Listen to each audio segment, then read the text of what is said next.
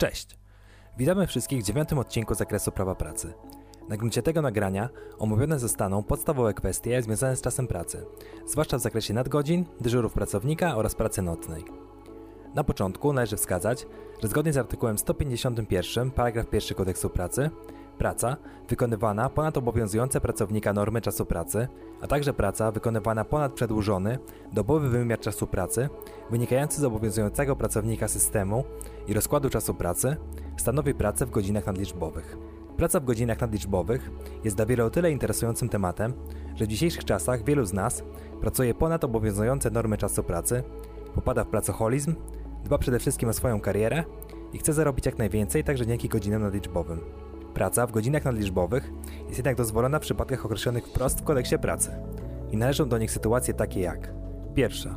Konieczność prowadzenia akcji ratowniczej w celu ochrony życia lub zdrowia ludzkiego, ochrony mienia lub środowiska albo usunięcia awarii. Druga. Szczególne potrzeby pracodawcy.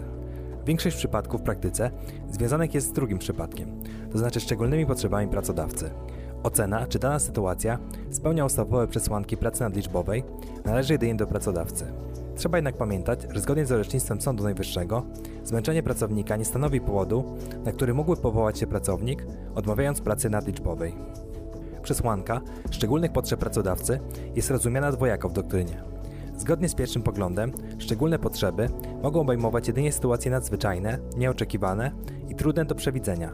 Natomiast według długiej grupy autorów, szczególne potrzeby pracodawcy występują także, gdy do realizacji normalnych zadań pracodawcy konieczne jest ponadwymiarowe zatrudnienie pracownika, byleby nie dotyczyło to w sposób względnie stały konkretnej osoby. Druga z tych koncepcji jest jednak częściej uznawana w orzecznictwie. Warto w tym kontekście wskazać także na wyrok Sądu Najwyższego z dnia 10 września 2019 roku, zgodnie z którym Choć przyjęło się uważać, iż szczególne potrzeby pracodawca wyraża poleceniem, to można także wykonywać pracę nadliczbową za wiedzą i zgodą, choćby milczącą pracodawcy, gdy pracownik działa w jego interesie, bowiem polecenie pracy w godzinach nadliczbowych nie wymaga szczególnej formy i wystarczająca jest dorozumiana zgoda pracodawcy.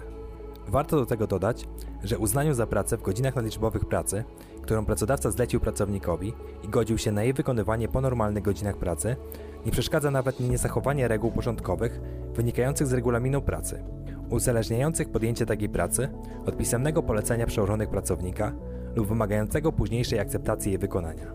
Co do zasady, pracodawca powinien nam zlecić pracownikowi pracę w godzinach nadliczbowych w ramach odpowiedniego polecenia. Jednak jak widać istnieją tej zasady odpowiednie wyjątki.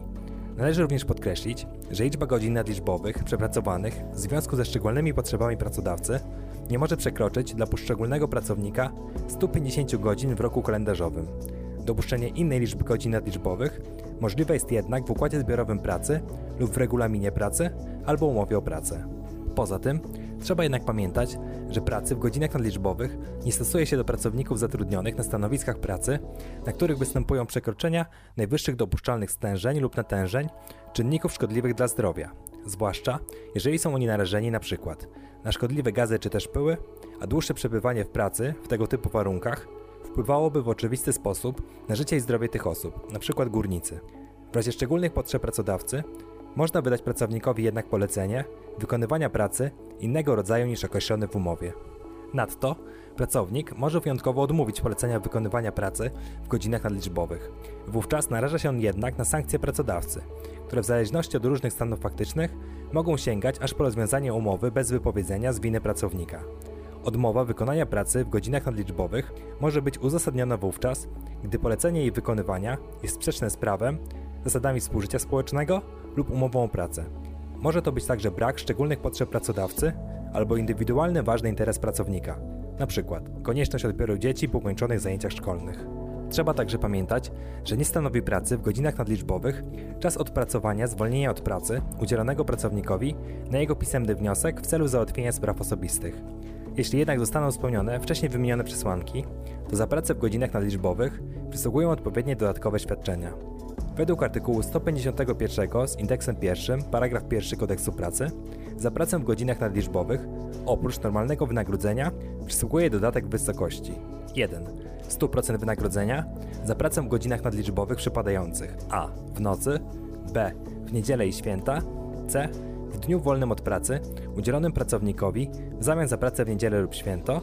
Punkt drugi. 50% wynagrodzenia za pracę w godzinach nadliczbowych przypadających w każdym innym dniu.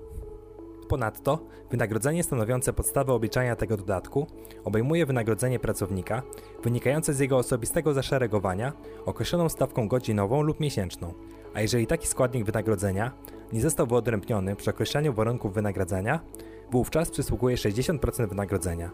Warto wspomnieć także o wyroku Sądu Najwyższego z dnia 19 marca 2019 roku, według którego przez normalne wynagrodzenie należy rozumieć takie wynagrodzenie, które pracownik otrzymuje stale i systematycznie, a więc obejmuje ono zarówno wynagrodzenie zasadnicze, wynikające ze stawki osobistego zaszeregowania, jak i dodatkowe składniki wynagrodzenia o charakterze stałym, jeżeli na podstawie obowiązujących w zakładzie przepisów płacowych pracownik ma prawo do takich dodatkowych składników. Jednakże, w zamian za czas przepracowany w godzinach nadliczbowych pracodawca na pisemny wniosek pracownika może udzielić mu w tym samym wymiarze czasu wolnego od pracy. Udzielenie czasu wolnego w zamian za czas przepracowany w godzinach nadliczbowych może nastąpić także bez wniosku pracownika. W takim przypadku pracodawca udziela czasu wolnego od pracy najpóźniej do końca okresu rozliczeniowego w wymiarze o połowę wyższym niż liczbę przepracowanych godzin nadliczbowych, jednakże nie może to powodować obniżenia wynagrodzenia należnego pracownikowi za pełny miesięczny wymiar czasu pracy. Wreszcie, należy także pamiętać o godzinach nadliczbowych w przypadku osób pracujących w kadrze zarządzającej. Pracownicy zarządzający w imieniu pracodawcy zakładem pracy i kierownicy wyodrębnionych komórek organizacyjnych wykonują, w razie konieczności, pracę poza normalnymi godzinami pracy bez prawa do wynagrodzenia oraz dodatku z tytułu pracy w godzinach nadliczbowych.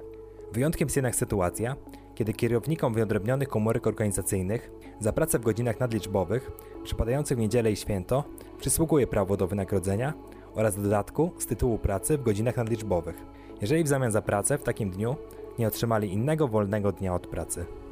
Ponadto trzeba rozważyć także kwestie związane z dyżurem pracownika w pracy.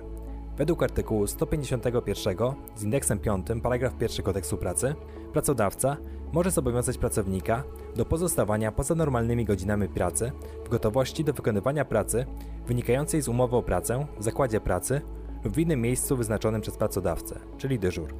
Wspomnianego czasu dyżuru nie wlicza się jednak do czasu pracy, jeżeli podczas dyżuru pracownik nie wykonywał pracy.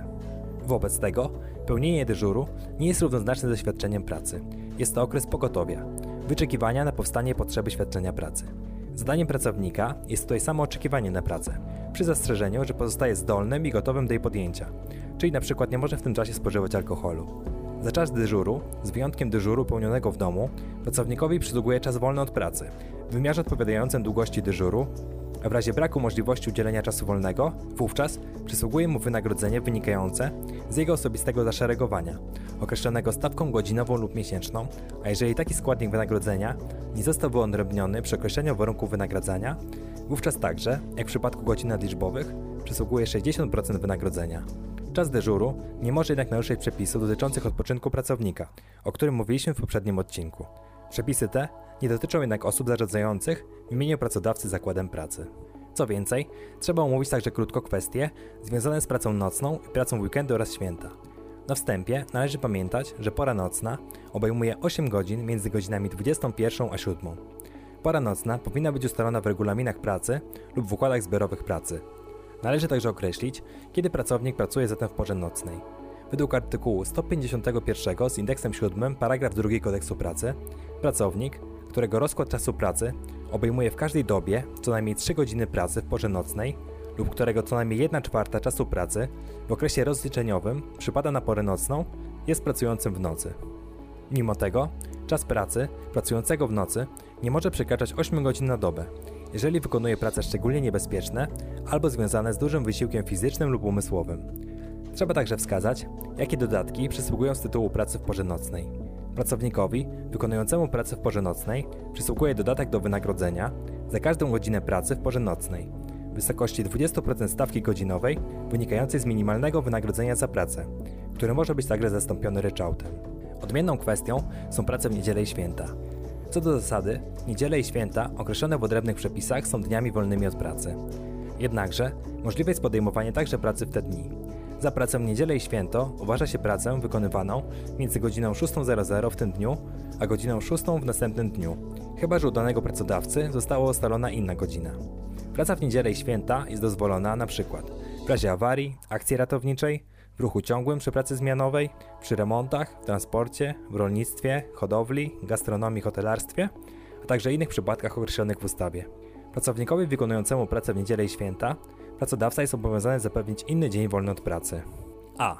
W zamian za pracę w niedzielę w okresie 6 dni kalendarzowych poprzedzających lub następujących po takiej niedzieli. B. W zamian za pracę w święto w ciągu okresu rozliczeniowego. Jeżeli nie jest to możliwe, to pracownikowi przysługuje dzień wolny od pracy do końca okresu rozliczeniowego, a w razie braku możliwości udzielenia dnia wolnego od pracy w tym terminie, dodatek do wynagrodzenia w wysokości takiej jak za godziny nadliczbowe, za każdą godzinę pracy w niedzielę. Na koniec można także wspomnieć o tzw. Tak prawie do wolnej niedzieli. Pracownik pracujący w niedzielę powinien korzystać co najmniej raz na 4 tygodnie z niedzieli wolnej od pracy. W kolejnym odcinku zajmiemy się tematyką urlopów pracowniczych. W opisie do filmiku znajdziecie więcej na temat czasu pracy w formie artykułów ze źródłami. Zapraszamy też na naszego Facebooka Prawo dla Ciebie, Instagrama, naszą grupę na Facebooku, stronę internetową oraz podcast na platformie Spotify. Wszystkie linki zamieszczamy w opisie. Na koniec jeszcze bibliografia, na podstawie której przygotowaliśmy dzisiejszy odcinek. Jeśli masz jakieś pytania, problemy albo pomysły, jakie tematy powinniśmy poruszyć w kolejnych odcinkach, pisz śmiało w komentarzu. Do usłyszenia.